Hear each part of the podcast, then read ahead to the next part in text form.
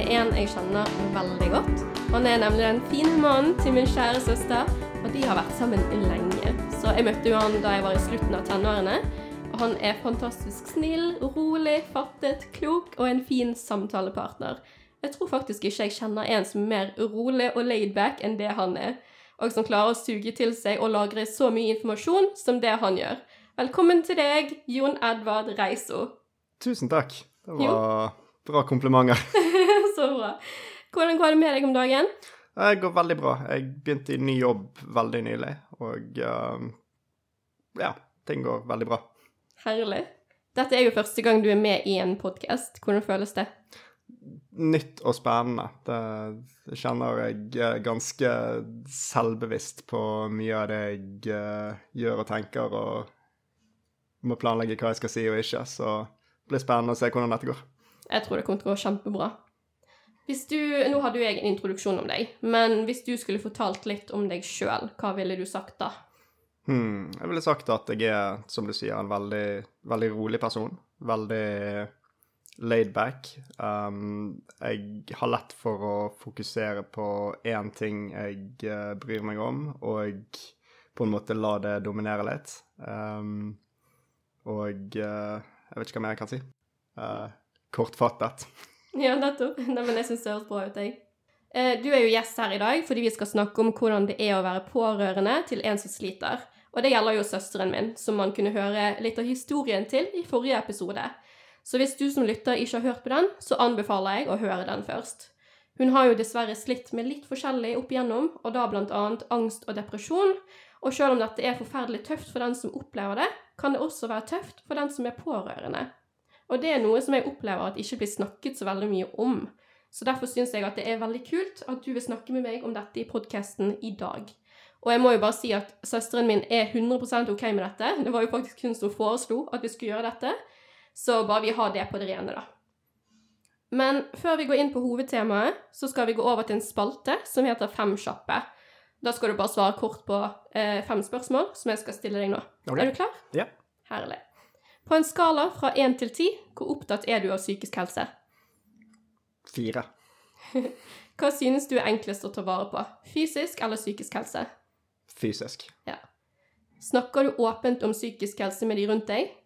Jeg har en historie med å være veldig dårlig til det, og det er noe jeg prøver å bli flinkere på. Vil du si at du er mest styrt av logikk eller følelser? Logikk, absolutt. Ja, Det er ikke noe eh, overraskelse. og det er litt gøy. Jeg, bare sånn, Dette er jo kjapt, men, eh, men Stephanie sa at hun er veldig på følelser, du er veldig på logikk, så det er litt sånn gøy hvor motsatt dere er på det. Ja, nei, vi møter hverandre Eller gjennomsnittet av oss er nok ganske balansert, vil jeg tro. Ja, sant. Eh, og siste, har du en hjertesak, eventuelt hva? Hm, det var uforberedt. Jeg tenker jeg kanskje ikke har det siden ikke, ikke noe dukker opp umiddelbart. Mm. Men det er helt greit. Det er ikke ja. alle som har det. Men eh, supert. Det var jo en fin start, tenker jeg. Ja. Og da vil jeg begynne med å bli litt bedre kjent med dere og deres forhold, sånn at eh, man får litt kontekst, da. Mm. Hvor lenge siden er det dere møttes, og hvordan møttes dere? Vi møttes uh, mai 2010, så det er nå godt over elleve år siden. Um, vi møttes egentlig ved at vi flyttet sammen i et kollektiv.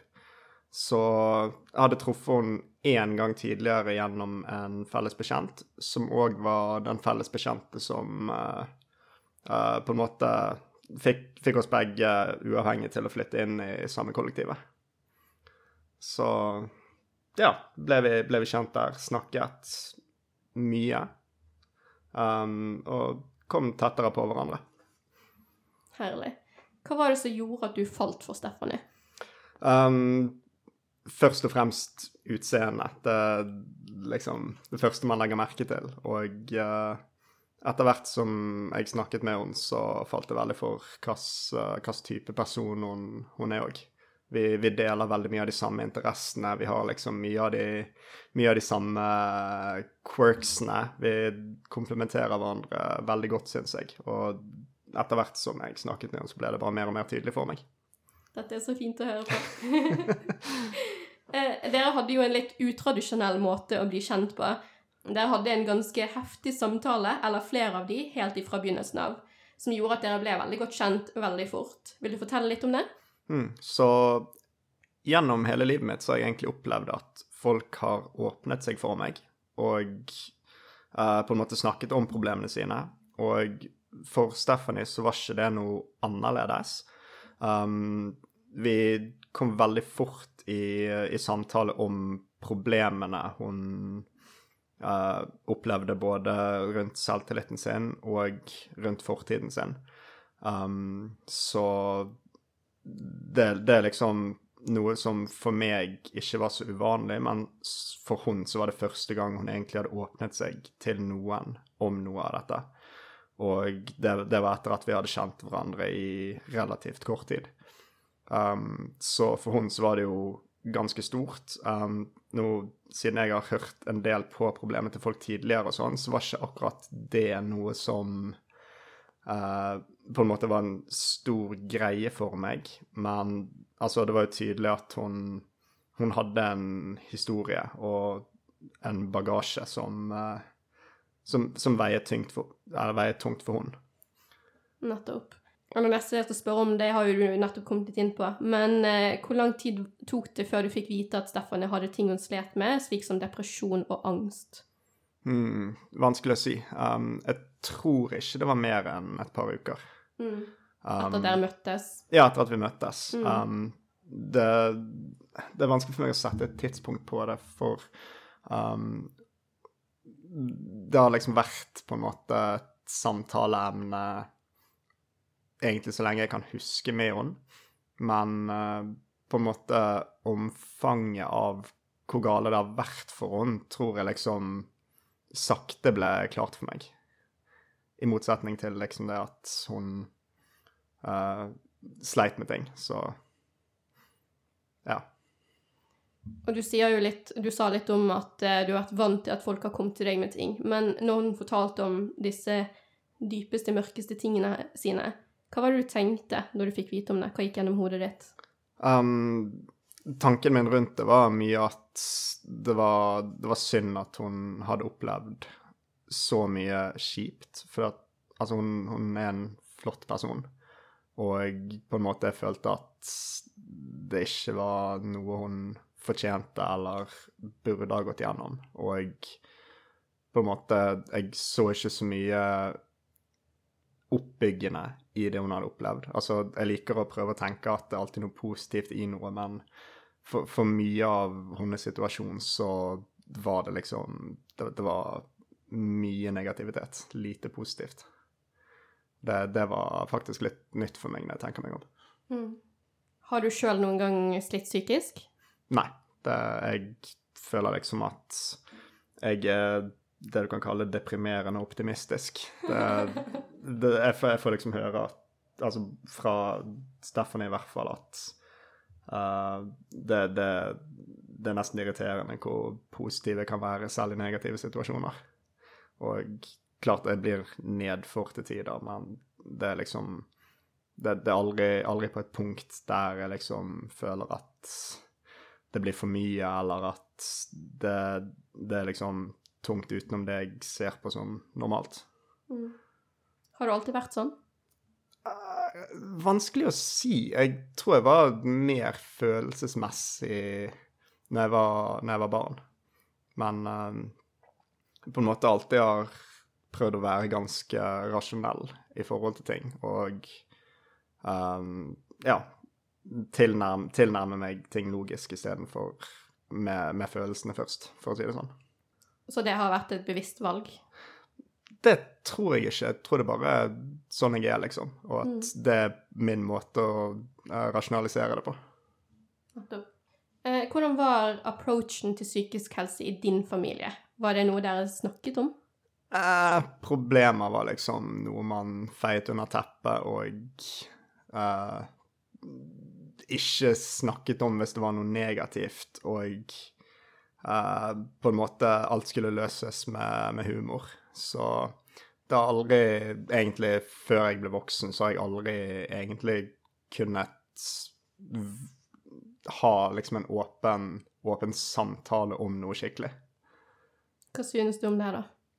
Um, det er normalen for meg, så jeg har liksom ikke noe negativt syn på det. Um, og det er liksom ikke et behov for meg, men jeg kan se hvordan mange i samme situasjon kan ende opp med å slite som et resultat av det. Mm. Bra du ikke har slitt, eh, endt opp med å slite med det, da. Ja, det Men hvis du hadde det kjipt da, i oppveksten og fortalte noen i familien om det, hvordan ble du møtt da? Du sa at du ble møtt med humor, men vil du fortelle litt mer om, rundt det? Altså, om jeg, om jeg, hadde det kjipt i oppveksten, altså hvis det var liksom noe kjipt jeg hadde opplevd, eller noe sånt, så ble jeg jo møtt med, med sympati og forståelse og sånn. Um, men altså på en måte, Jeg har aldri slitt med noe sånn generell negativitet, så det har aldri, aldri vært liksom noe jeg har trengt å ta opp, eller noe sånt. Så um, jeg, jeg, vil ikke, jeg, vil, ikke, si at det er noe jeg egentlig noensinne har tenkt over. Om kan ha en positiv eller negativ effekt på meg. Jeg tror liksom det er bare uh, vet ikke, bakgrunnsstøy, hvis jeg kan kalle det for det. Altså det er liksom en, en, situasjon som kunne vært negativ om jeg hadde vært på feil måten, men som, som, liksom ikke spiller positivt eller negativt ut. Jeg, jeg vet ikke, jeg føler jeg roter meg vekk med ordene nå. Nei, men det går helt fint. Men jeg syns det, det, er fint du sier, jeg syns det er fint å, å, høre på en måte ulike perspektiver på det. Fordi jeg og Stephanie, vi er jo veldig sånn Vi heier jo veldig på åpenhet. Vi har vært veldig åpne med hverandre helt siden vi var små. Og for oss har det vært det riktige. Men jeg ser jo den at eh, altså folk blir jo bra mennesker selv om det ikke har vært åpenhet i deres familie. Og i noen familier så burde det nok ha vært mer åpenhet. Men sånn som du er, og altså, med tanke på måten du klarer deg på, så har jo det åpenbart gått veldig fint, da. Men også er det litt det der med at når man blir voksen, og når man går inn i forhold, så kan man jo lære av hverandre på den måten. Sånn at jeg ser jo for meg at Stephanie har lært deg å være mer åpen, og du har sikkert lært Stephanie å være litt mer rasjonell. Har, har jeg rett der, eller? Mm, det er i hvert fall rett i at hun har lært meg å være mer åpen. Jeg tror mm. nok på en måte min væremåte gjør at hun ønsker å reagere mindre følelsesmessig på ting, og uh, på en måte om hun gjør det eller ikke, er vanskelig for meg å si, for jeg, jeg kan ikke sitte og, og, føle på det samme hun gjør, dessverre. Men uh, det, hun har absolutt lært meg å være mer åpen. Det, uh, hun er liksom på en måte den første jeg har snakket med om uh, om liksom hva som skjer inni hodet mitt, for å si det sånn. Um, jeg tenker liksom, Hvis vi går litt tilbake på den, til den måten du ble møtt på i oppveksten, som du sier var greit for deg, uh, men da du var vant til å bli møtt med, med humor, uh, hvordan visste du hvordan du skulle møte Stephanie når hun hadde det vanskelig? Fordi åpenbart så Eller ikke åpenbart, men vi vet jo begge to at humor er ikke det som fungerer for henne. Mm. Hvordan, hvordan fant du ut av hva som kunne fungere for henne? Hmm. Det er nok De tingene hun fortalte, var nok såpass drøye at jeg følte det liksom ikke var noe, noe morsomt å trekke ut fra det. uh, men uh, Nei, altså, det, det, er jo common sense, da. Altså, klart Common sense er kanskje litt manglende hos meg noen ganger. Jeg kan, jeg kan ende opp med å komme med ganske drøye vitser på ting jeg bare burde holdt kjeft om. Men uh, uh, jeg føler liksom at når folk åpner seg, så skal ikke man latterliggjøre det. Og det er liksom ikke noe jeg føler man trenger å lære. Nei, men det, det er fint. Men det, det, sier jo litt om deg, for det er ikke alle som vet det. Så, men jeg er enig med deg at det er noe man burde. Ja. ja. Mm, så går vi litt over til på en måte det som er hovedtemaet. Hvordan er det egentlig å være pårørende til en som sliter psykisk? Syns du det kan være tøft innimellom, eller syns du det er greit? Hva tenker du? Hmm, det, det, har absolutt sine utfordringer. Um, på en måte det tøffeste med det er i liksom de mørkeste periodene at man uh, føler seg ganske hjelpeløs. Det er liksom en person man har lyst til å bare gjøre hva som helst for, og så er det gjerne der og da egentlig ingenting man, man kan gjøre for å, for å, få det til å føle seg bedre. Og det, det, det er liksom Med tanke på ting som er tøft, så tror jeg liksom det er noe av det tøffeste for meg. Um, men sånn generelt så er det ærlig talt noe jeg tenker ganske lite over. Altså, hun er en person langt utenfor på en måte det hun sliter med. Så det er liksom Når hun er på det mørkeste, at det blir noe jeg føler jeg dealer med. Um, jeg vet at hun føler det er noe hun dealer med mye, mye mer enn det jeg gjør. Så det er liksom Jeg, jeg ville ikke sagt at jeg opplever det som tungt, men det, det er utfordrende på liksom de, de mørkeste tidspunktene. Men Det skjønner jeg godt. Og jeg, jeg syns det er så fint det du sier med at, eh, at hun kan føle det som på en måte Ja, nå Du sa det på en helt annen måte, men verre enn det på en måte er, da. Eh, og det syns jeg er veldig fint at du sier, for det er noe jeg sjøl har kjent på eh, når jeg har vært i forhold. Fordi vi har jo mye Vi har jo opplevd mye av det samme i barndommen, så jeg har jo, sånn som vi snakket om i forrige episode, eh, at vi har opp igjennom følt oss skikkelig svake og dumme og Altså bare mye negativt eh, av det vi har opplevd. Um, og i, i de mørkere periodene Altså, vi har jo begge to hatt kjæreste nesten alltid. eh, og i de mørkere periodene så har jeg følt meg skikkelig til bry, da, for den som jeg har vært sammen med. Eh, og jeg tenkte at den personen ikke fortjener eh, Eller nei, jeg mener at jeg ikke fortjener den personen. Og den, den personen ikke fortjener eh, å oppleve så mye tøft gjennom meg. Um, og eh, da er det så fint det du sier, det der med at eh, man er så mye mer enn det man sliter med. Man er, man er ikke bare det negative, man er så mye positivt òg. Og det, det hjalp veldig for meg å høre det Mm. eh, da jeg satt i det. Og det er veldig fint at du sier det samme. Ja, nei, jeg vet Steffen har sittet med akkurat de samme tankene òg, Mm. så eh, det var faktisk en periode sånn ganske i begynnelsen av forholdet, når vi liksom virkelig begynte å få følelser for hverandre, så uh, prøvde hun jo faktisk å slå opp med meg for å spare meg for det. Um, jeg skal si jeg er litt sånn treig på å oppfatte tegn og signaler og sånn, så jeg oppfattet aldri at hun prøvde å slå opp med meg. Jeg oppfattet som at hun kom med en idé om at kanskje vi burde kutte dette før det blir for intenst. Der jeg sa nei, jeg syns ikke det. Og hun oppfattet det som at hun hadde prøvd å slå opp med meg, der jeg sier nei, nei, vi skal ikke slå opp. Så, men det, det er noe hun eh, hun har en tendens til å bringe opp igjen og liksom sier har gjort et stort inntrykk på henne. Ja, Det er så gøy at du nevner det, for at hun snakket om det i podkast-episoden vår sammen òg. Ja. ja hun, hun, hun, hun bruker den uh, som et eksempel uh, relativt ofte. Mm. Men eh, når hun har vært på, eh, i de mørkere periodene sine, da, hvordan har du vært der for henne? Hva har på en måte vært din løsning eller strategi, eller hva jeg skal kalle det? Hva, hvordan føler du at du har klart å være der for henne? Mm, egentlig bare med å være fysisk i det samme rommet som hun. Gjerne ligge inntil hun, eller gi henne en avstand hun trenger. Um, på en måte bare vise at jeg er der, og selv om det kanskje ikke gjør situasjonen bedre, så er det fortsatt bedre enn å være aleine. Nei, men definitivt. Og en viktig del der er jo dette med kommunikasjon. Fordi at du har skjønt at det er det hun trenger. Men det er jo ikke sikkert det er det som er riktig for alle. Noen har veldig, veldig behov for avstand, noen har veldig behov for nærhet. Men, eh, men eh, som du sier, at det er i hvert fall noe som har hjulpet for deg og dere. At, eh, at eh, du er der fysisk og viser at OK, du har det tøft, men vi kommer oss i hvert fall gjennom dette her sammen. Ja, absolutt. Det, det er liksom ikke så mye mer jeg føler jeg kan gjøre, så i hvert fall bare det å kunne være, være i nærheten er noe som jeg i hvert fall ser på som bedre enn å ikke være der. Så absolutt. Mm.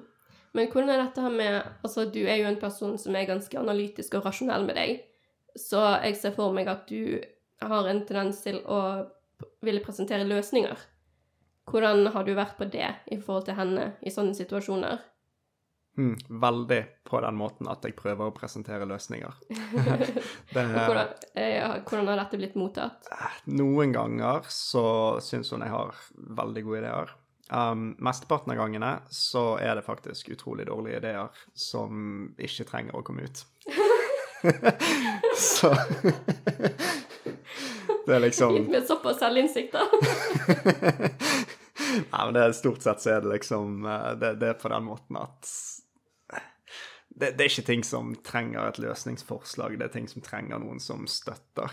Så å komme med løsningsforslag da virker nesten nedlatende. Så det, det er liksom ikke alltid man trenger det.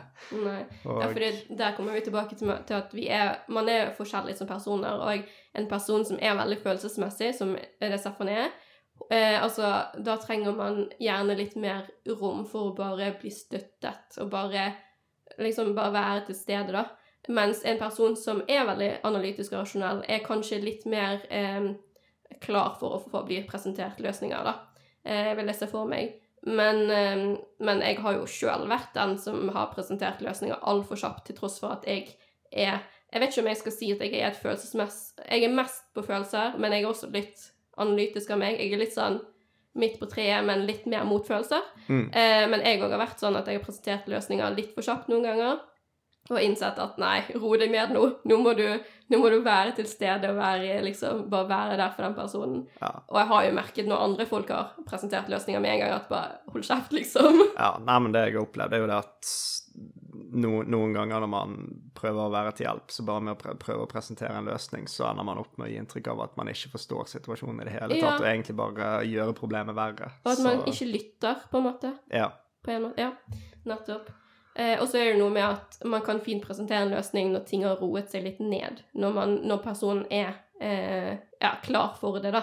Noen ganger er det rom for det. ja, eller at man sjøl har tid til å innse at det egentlig ikke er noe som trenger å foreslå en løsning på. Så Mm, sant. Eh, men eh, har det noen gang vært så tøft for deg å være pårørende at du har tenkt at nei, nå orker jeg ikke mer? nei, det har aldri kommet til det punktet. Det, jeg, jeg har følt liksom at Ja, nei, som, jeg, som jeg sa i sted, jeg har følt meg ganske hjelpeløs til tider, men jeg, jeg føler ikke at det er noe som påvirker meg negativt. Um, jeg vet ikke om jeg er litt spesiell på det, men uh, det, det er liksom ikke noe som på en måte påvirker hvem jeg er som person på noen måte, eller noe jeg ser på som negativt for min del. Så aldri liksom tenkt den tanken. Jeg vet Stephanie garantert ofte har tenkt at dette her fortjener han ikke, eller noe sånt, men det er jo òg gjennom det hun føler når hun er på sitt laveste. Så for min del i hvert fall, så føler ikke jeg at det har vært en utfordring. Men jeg kan fint se for meg hvordan det kan være veldig utfordrende for, eh, for ganske mange. Nydelig. At, og det var fint at du var så, du var så kjapp med å svare nei. Det, det var liksom ikke noe tenketid. Bare, nei, det har ikke jeg tenkt. Nydelig. Og jeg tenker at der har jo du på en måte, eller dere begge en fordel, med at eh, du er såpass eh, ja, analytisk og rasjonell og rolig av deg. For altså, nå skal jo ikke jeg på en måte spekulere i hvordan andre folk er på den måten, eh, selv om jeg, det er det jeg gjør nå. Men, eh, men eh, jeg ser i hvert fall for meg at eh, noen som er veldig mye mer følelsesmessig, hadde syntes at det hadde vært tøffere å, å stå i det, mens du klarer å gjerne i større grad å ta et steg tilbake og bare på en måte få oversikt over situasjonen og tenke at nei, men eh, sånn, sånn er situasjonen nå, sånn er ikke hun, Mm. på en måte. Skjønner du hva jeg mener? Ja, i hvert fall reagere instinktivt med å prøve å forstå situasjonen istedenfor Mm. for å reagere på situasjonen. Mm. Det er, ikke, det er ikke meningen å legge ord på en måte i, i munnen din, men det er i hvert fall min på en måte refleksjon da, av eh, den typen ja, situasjon. Ja, nei, men det, jeg føler det er ganske, ganske korrekt. Mm, nei, men herlig. Du har jo på en måte også vært litt inn på dette. Eh, jeg føler jeg sier det på hvert spørsmål, men det er jo helt mulig. Eh, hva er det som får deg til å bli værende? Det er hvem hun er som person.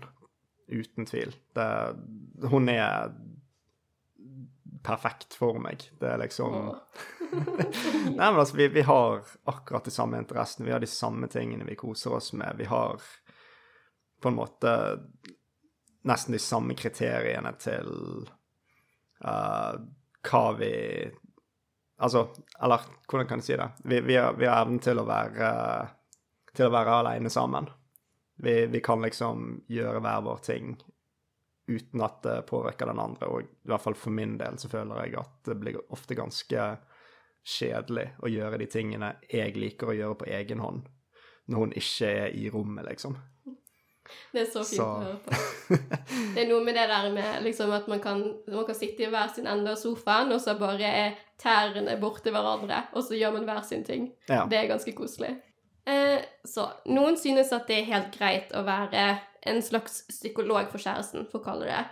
Mens noen er fast bestemt på at kjæresten skal gå til psykolog sjøl, og så kan man som kjæreste være mer som en støtte. Hvis du skjønner hva jeg mener. Mm, Hvordan stiller du deg til dette? Hva slags type kjæreste er du i dette scenarioet? Mm, jeg tror jeg er noen kan snakke med som noen ganger kommer med gode råd, men jeg ser ikke på meg sjøl som i nærheten like mye hjelp som det en psykolog kan være.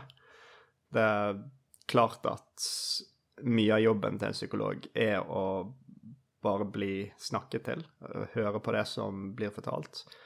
Men jeg Altså om jeg hadde sagt alle de samme tingene som en psykolog til henne, så har ikke det den faglige bakgrunnen det har når en psykolog sier det. Så jeg ser ikke på meg sjøl som noe som helst form for erstatning for en psykolog. Men ja, som du sier, mer kanskje uh, et støttende element i tillegg til en psykolog. Mm. Ja, fordi jeg eh, kan jo si litt hva, hva jeg tenker om det. Fordi at jeg har jo vært litt uh, Jeg har endret mening på det, på det området. Jeg har jo sjøl, obviously, slitt med mitt, uh, som det har kommet frem. Um, og da jeg var yngre, så var jeg veldig på dette her med at, uh, at kjæresten min, han skal få høre alt. Altså, jeg, hvis det var noe var noe jeg slet med, så skulle jeg fortelle om det. Og jeg, det er jo veldig fint med åpenhet, eh, men jeg har på en måte kommet dit nå at eh, jeg vil at kjæresten skal være en støtte, men ikke psykologen min. Altså hvis det er noe jeg trenger hjelp med, så skal jeg gå til en fagperson. Og jeg personlig tror det er sunnere long term at man går til en psykolog hvis man, eller en lignende fagperson hvis man trenger det.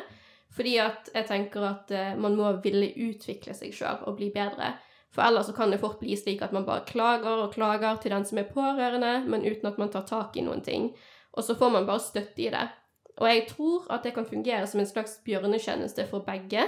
Jeg tror at det in the long run er bedre for både seg sjøl og for forholdet å gå til en terapeut enn utenforstående for å få hjelp. Fordi da blir man gjerne mer selvstendig og proaktiv sjøl, da. Og man kan få verktøy som får en til å takle diverse utfordringer bedre, og kjæresten slipper å få den ekstra belastningen hele tiden. Men det kan jo være skikkelig kjipt for den som sliter, å få høre dette, og ikke på en måte eh, Altså hvis man får beskjed fra kjæresten at eh, 'sorry, men jeg tror du må gå til psykolog'. Altså man trenger jo ikke si det på den måten, da, men eh, ja, du skjønner. Eh, jeg opplevde jo det slik, da, at jeg fikk høre det med litt andre ord. Eh, og da ble jeg rett og slett såret. Jeg bare tenkte sånn Herregud, skal ikke du høre på meg? Vil ikke du være der for meg? Eh, Men i ettertid så har jeg skjønt det, og nå er jeg enig i at det var for det beste. Kjæresten skal være en støtte, men man må ville ta tak i ting sjøl og gå til en fagperson hvis det er ting man virkelig sliter med. Mm, Det er i hvert fall mine tanker. Ja, jeg syns det er veldig bra sagt. Jeg er helt enig. Mm. Det er, jeg, jeg, jeg har ingenting å tilføre eller si imot for det, så det var veldig bra sagt. Ja, nei, det er opps- oppsummerer ganske mye det jeg tenker rundt òg. Herlig. Og da lurer jeg på, altså når man er, når man er en pårørende, så er man jo Man gir veldig mye av seg sjøl til andre, man vil at den andre skal ha det bra. Du sa jo det sjøl, at når, når hun er i det mørke, så det eneste du vil, er at hun skal ha det bra, ikke sant? Mm, absolutt. Men hvordan tar du vare på deg sjøl? Eh, eller har du eventuelt tips til andre som er pårørende, om hvordan de kan ta vare på seg sjøl? Hmm. Jeg har ingen på en måte teknikker eller eh, metoder for å ta vare på meg sjøl. Um, det Det er et vanskelig spørsmål. det, det har liksom aldri falt meg inn. Um, jeg vet ikke. Jeg, jeg, jeg tror liksom ikke jeg gjør så mye for egen psykisk helse, men jeg ser liksom ikke eh, nødvendigheten Eller jeg, jeg ser jo nødvendigheten av det, men jeg, jeg på en måte føler ikke at det er noe i min situasjon i hvert fall som er som er belastende på den måten at jeg trenger å ta, ta hånd om meg sjøl mer enn mer enn jeg ville gjort uh, i en annen situasjon, Mm. hvis, hvis du forstår. Ja. Men tror du at du har forbedringspotensial der, at du burde ta mer vare på deg sjøl, eller tror du oppriktig at, at det går greit in the long run? Mm, jeg tror ikke jeg er perfekt, men jeg tror liksom sånn in the long run så ser jeg ingen potensielle problemer for min del med tanke på hvordan ting blir gjort. Mm. Um, klart, nå er jeg kanskje et litt spesielt tilfelle òg. Um, det jeg, jeg er nok Altså, jeg, jeg tror jeg har et mindre følelsesspekter enn mannen på gaten, liksom. Så jeg, jeg Altså, en som er i kontakt med noen som sliter psykisk, tror jeg nok i de fleste tilfeller vil oppleve noe negativitet overfor seg sjøl rundt òg. Um, for min del så har det ikke vært tilfellet, så uh, egentlig ikke noe, noe jeg føler jeg trenger å gjøre utenom det vanlige sånn for min egen del, annet enn å liksom gjøre de tingene jeg trives med. Mm. Ja, men det er i hvert fall godt å høre, da. Mm. Men eh, altså Ja, jeg tenker jo at de fleste vil ha behov for å ta, ta vare på seg sjøl, fordi det er veldig lett for at man bare gir og gir og gir, og så går man sjøl under. Eh, så det er på en måte en beskjed til alle som er pårørende, at, eh, at husk på deg sjøl oppi dette òg, fordi at hvis du, hvis du glemmer deg sjøl, og så møter du veggen en dag fordi du bare har gitt og gitt, så altså, er jo ikke du i stand til å hjelpe den andre personen på det stadiet, når du ikke har mer å gi av deg sjøl. Så um, det er i hvert fall en beskjed da til, til de som er pårørende. Men jeg, siden jeg kjenner deg, Mm. så føler jeg jeg kan eh, spørre om det. Eh, For jeg ser jo for meg at eh, grunnen til at du ikke kjenner på det behovet om å ta vare på deg sjøl på den måten eh, Altså, det er bare min på en måte refleksjon, da.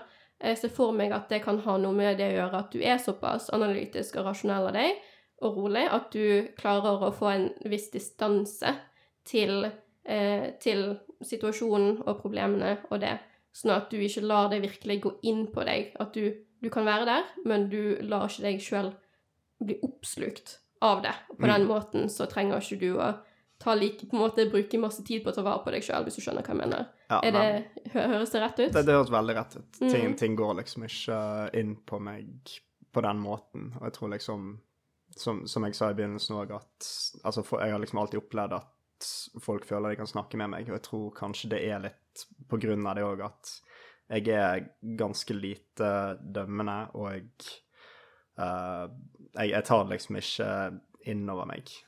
Altså, jeg tar ikke andre sine problemer innover meg. Så jeg blir liksom eh, jeg, jeg, blir, jeg blir en person noen, altså folk kan snakke med på den måten. Altså, tenkte jeg en, en ting jeg har hatt lyst til å nevne, jeg vet ikke om det passer inn, men det, det er liksom det at Stephanie har eh, Altså, hun er òg mye på samme måte som meg, at hun gir utrolig mye av seg sjøl. Så samtidig som hun er en som sliter mye med sine egne problemer, så tror jeg mye av grunnen til at hun sliter, og er det at hun gir sinnssykt mye av seg sjøl hele tiden. Og jeg kan se for meg at hvis hun ikke hadde vært den type person, så hadde det nok vært mye tyngre for meg òg, um, når jeg tenker meg om. Så det, det er liksom jeg, jeg ville ikke sagt at folk skal prøve å liksom få partneren til å gi mer av seg sjøl eller noe sånt, men um, om, de, om de ikke gjør det, så i hvert fall bare ha, ha oppmerksomhet på seg sjøl og sine egne behov, i hvert fall. For jeg føler liksom at jeg, jeg føler liksom at mine behov er dekket, og det er kanskje derfor jeg ikke sliter så mye med det. Mm. Nei, men det høres veldig fint ut. Eh, jeg kan jo komme med tips, eh, jeg også, da. Altså, nå er jo ikke jeg Jeg vet ikke om jeg kan kalle meg sjøl en pårørende på den måten, men jeg har, jo, jeg har jo folk i livet mitt som sliter eller har slitt. Så, så og, jeg har jo lest litt tips til hvordan, hva man kan gjøre som pårørende. Og eh, det bunner jo i at man må huske på seg sjøl, da. At man må huske at ja, du Du må være til stede for denne personen, men du må være til stede for deg sjøl òg. Eh, det, kan, altså, det kan være forskjellig fra person til person, men for noen så kan det være veldig viktig med egen tid. At man eh, innimellom trenger å gjøre noe for seg sjøl og lade opp på egen hånd. Det kan være at man har en hobby, at man ikke glemmer på en måte eh, sine egne interesser oppi det hele. Eh, hvis det er noe kreativt eller, eller, noe annet, noe som gir deg glede, noe som gir deg påfyll, påfyll i hverdagen. Eh, og så er det selvfølgelig de fysiske behovene som søvn og drikke og, og, mat og alt det der. At man gir kroppen det den fortjener og det den trenger. Eh, og så har jo mange behov for sosialt påfyll, sånn at man ikke kun er med den personen som sliter hele tiden, fordi at man trenger gjerne litt andre impulser, litt andre, litt andre inntrykk og sånt, og litt andre diskusjoner. Eh, og spesielt for de som er veldig Altså spesielt de som er ekstrovert og henter energi fra andre, så kan jo dette være veldig fint, men jeg tror det kan være fint for de aller fleste å bare på en måte få inn noe annet, da, på en måte. Så ja, det er litt forskjellig fra person til person, eh, men det handler om å, om å, huske litt på seg sjøl, å være på seg sjøl, og gjerne ha noe sånn derre eh, hjemmespa og sånne ting. Men altså, det er jo ikke alle som liker det. Men, men der skjønner greien. Um, gjør noe for deg sjøl, i hvert fall. Eh, relativt ofte. Om det er én gang i uken, så er det i hvert fall én gang i uken. Har du noe i tilføye? Mm, nei, jeg syns det var Veldig bra sagt igjen. Det, det Nei, men det, du, du, dekker liksom uh, alle behovene der. Det mm. Syns det, det, er veldig bra at det gjelder liksom alle, enten de sliter eller ikke, tror jeg. Mm. Supert. Det var det vi hadde for i dag, folkens. Tusen hjertelig takk, Jonny, for at du stilte opp her i dag. Jeg setter skikkelig stor pris på det. Jeg synes det gikk veldig fint, jeg. Syns ikke du? Jo, tusen takk for at jeg fikk komme. Det vært, uh, vært en veldig interessant samtale. Ja, Så bra. Herlig. Og så vil jeg takke dere som hørte på. Jeg håper dere fikk noe ut av det, om det så var forståelse eller inspirasjon. Følg meg på Sykt fint på Instagram, og fortell meg gjerne hva du synes om denne episoden. Og følg denne podkasten for mer innhold som dette. Og så hadde jeg blitt veldig glad om du kunne gitt en rating på podkasten. Jeg håper du får en superfin dag, og så snakkes vi igjen snart. Ha det! Ha det, ha det.